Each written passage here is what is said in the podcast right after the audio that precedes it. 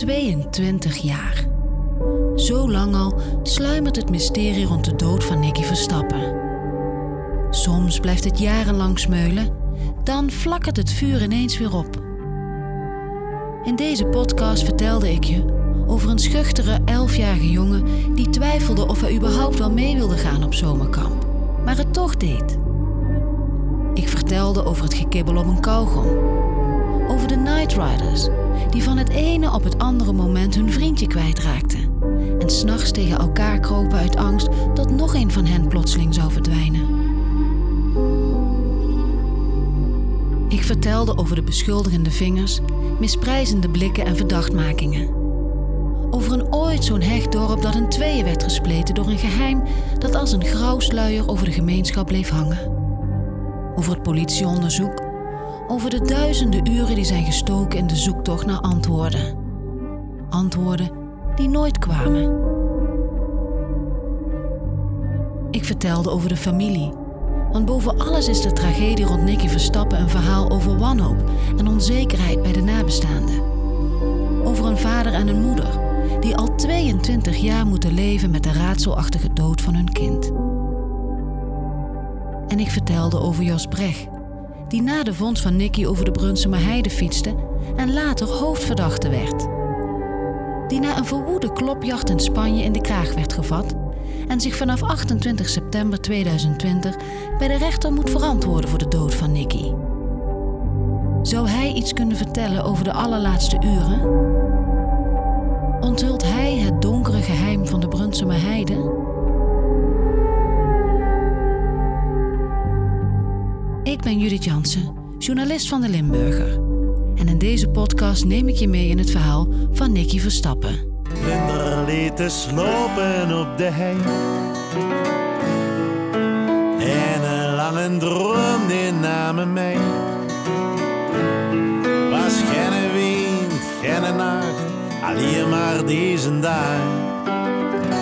En een grote mond die alles zag. Aflevering 6. De zwijgende verdachte.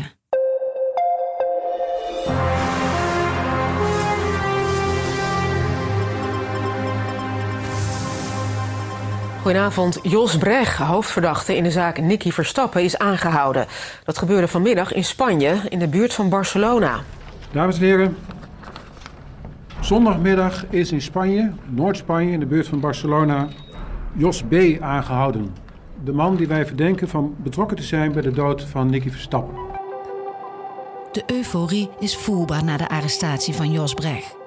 De man die een half jaar geleden plotseling van de radar verdween en na een grootscheepse zoekactie in de kraag werd gevat in een veld in de Spaanse Pyreneeën, op zo'n 55 kilometer van Barcelona. De man wiens DNA is gevonden op de kleren en het lichaam van Nicky Verstappen. De man die zou kunnen vertellen wat er in de laatste uren van het prille leven van het jongetje is gebeurd. De blijdschap van de nabestaanden kent geen grenzen. Jarenlang torste de familie een loodzware last van woede, verdriet en onzekerheid over haar schouders. En die lijkt er nu eindelijk van af te vallen. Vertrouwensman Peter R. de Vries is in extase. Eindelijk krijgt het recht zijn loop, twittert hij triomfantelijk. Ook bij het Openbaar Ministerie in Limburg is het optimisme.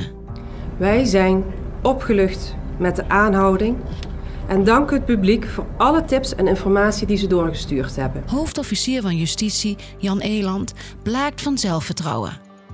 Hij heeft een stevige zaak, klinkt het zelfverzekerd. Zelfs als Brecht zich zou beroepen op zijn zwijgrecht. Met die laatste opmerking neemt Eland ongewild alvast een voorschot op de maanden die komen gaan. Want Jos Brecht is voorlopig niet van plan om het achterste van zijn tong te laten zien. Terwijl hij, mede vanwege de maatschappelijke druk, snel wordt uitgeleverd aan Nederland, dringt zich een andere vraag op. Wie gaat hem verdedigen?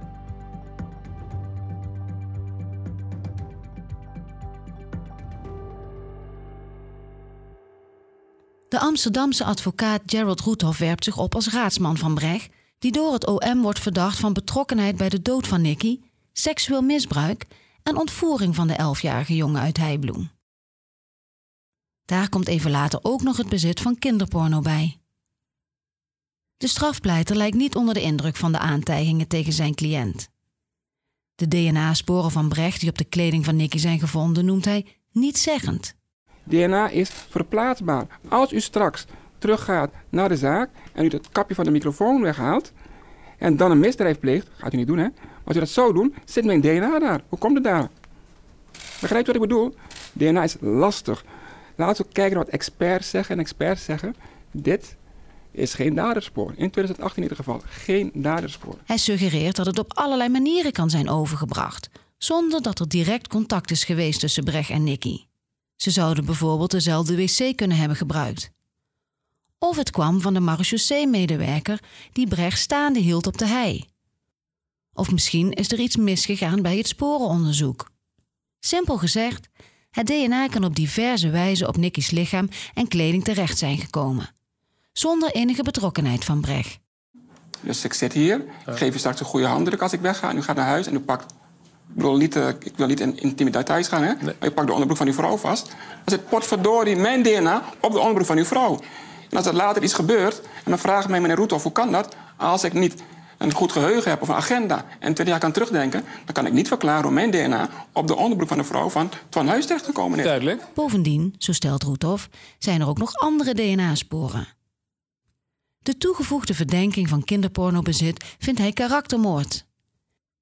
En van een levens- en zedendelict kan volgens Roethoff überhaupt geen sprake zijn, want de doodsoorzaak en seksueel misbruik zijn niet vastgesteld.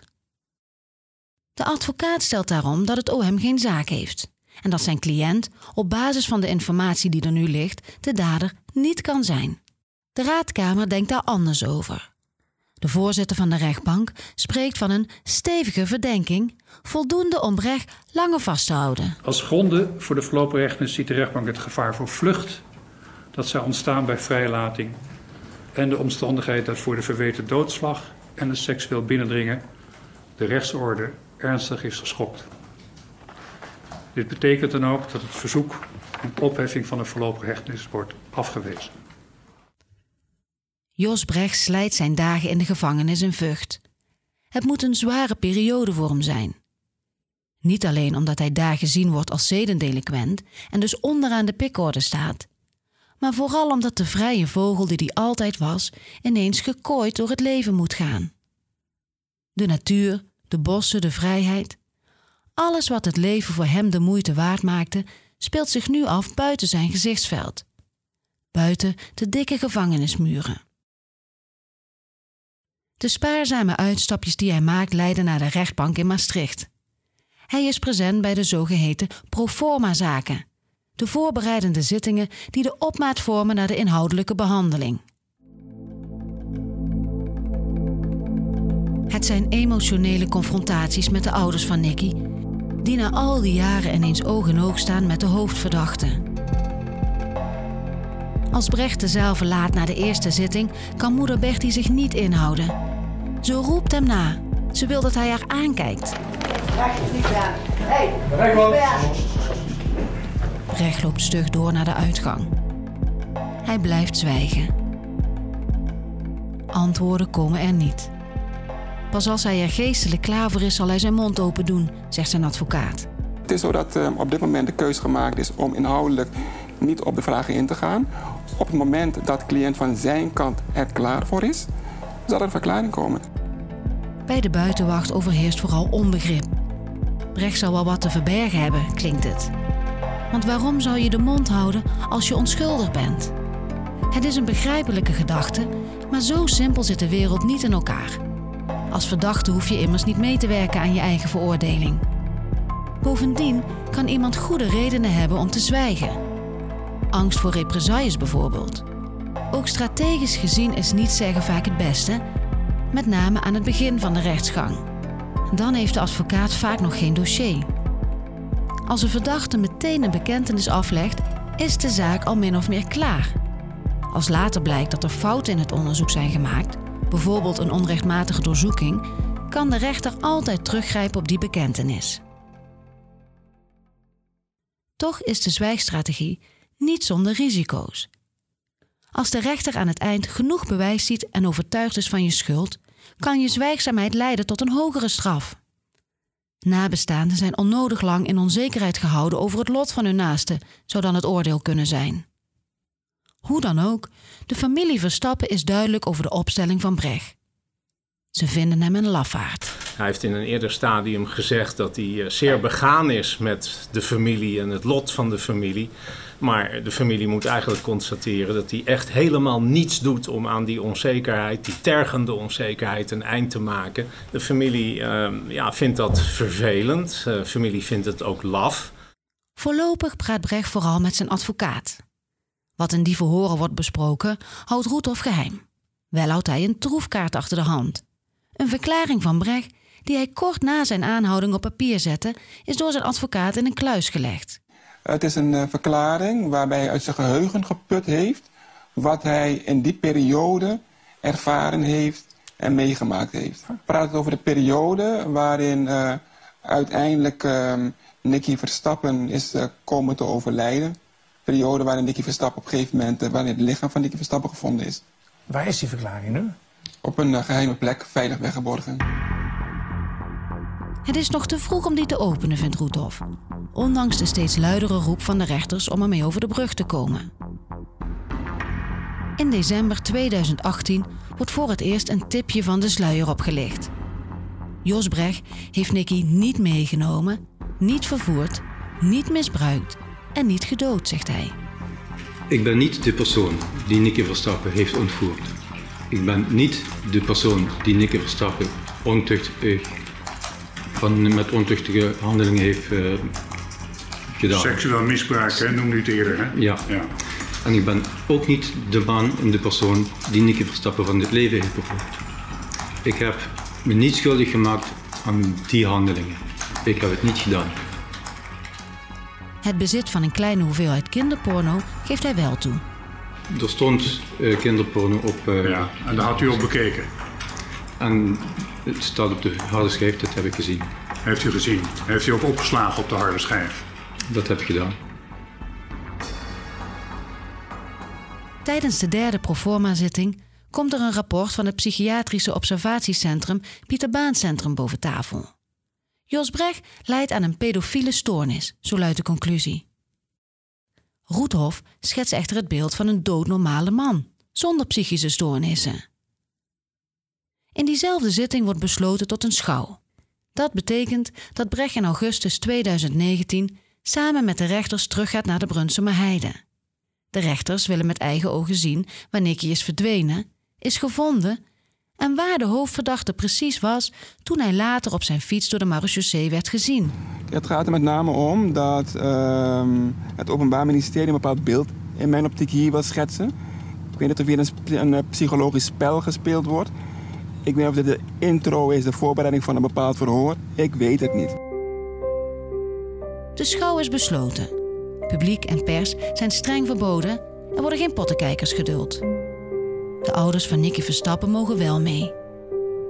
Hun hoop op een verklaring van Brecht slinkt elke dag. Ze beseffen dat ze misschien wel nooit te weten komen hoe hun zoon om het leven is gekomen. Dat zijn laatste uren een mysterie zullen blijven.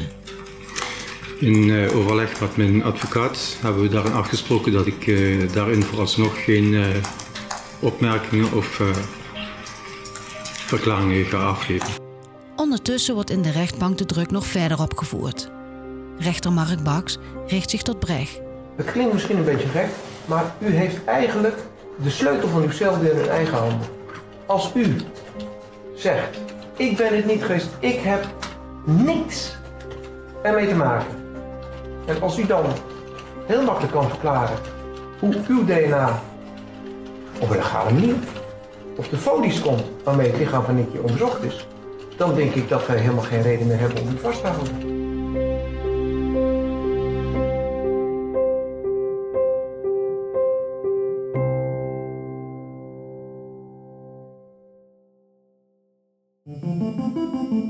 Luisterde naar het verhaal van Nicky Verstappen, een podcast van de Limburger.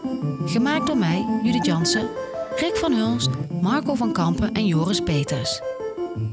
Paul Bots en Claire van Dijk controleerden de feiten. Het lied in deze podcast heet Vlinder en is van Rowanese. Volg het proces van Jos Brecht op delimburger.nl slash Nicky Verstappen. Bedankt voor het luisteren. Tot gauw.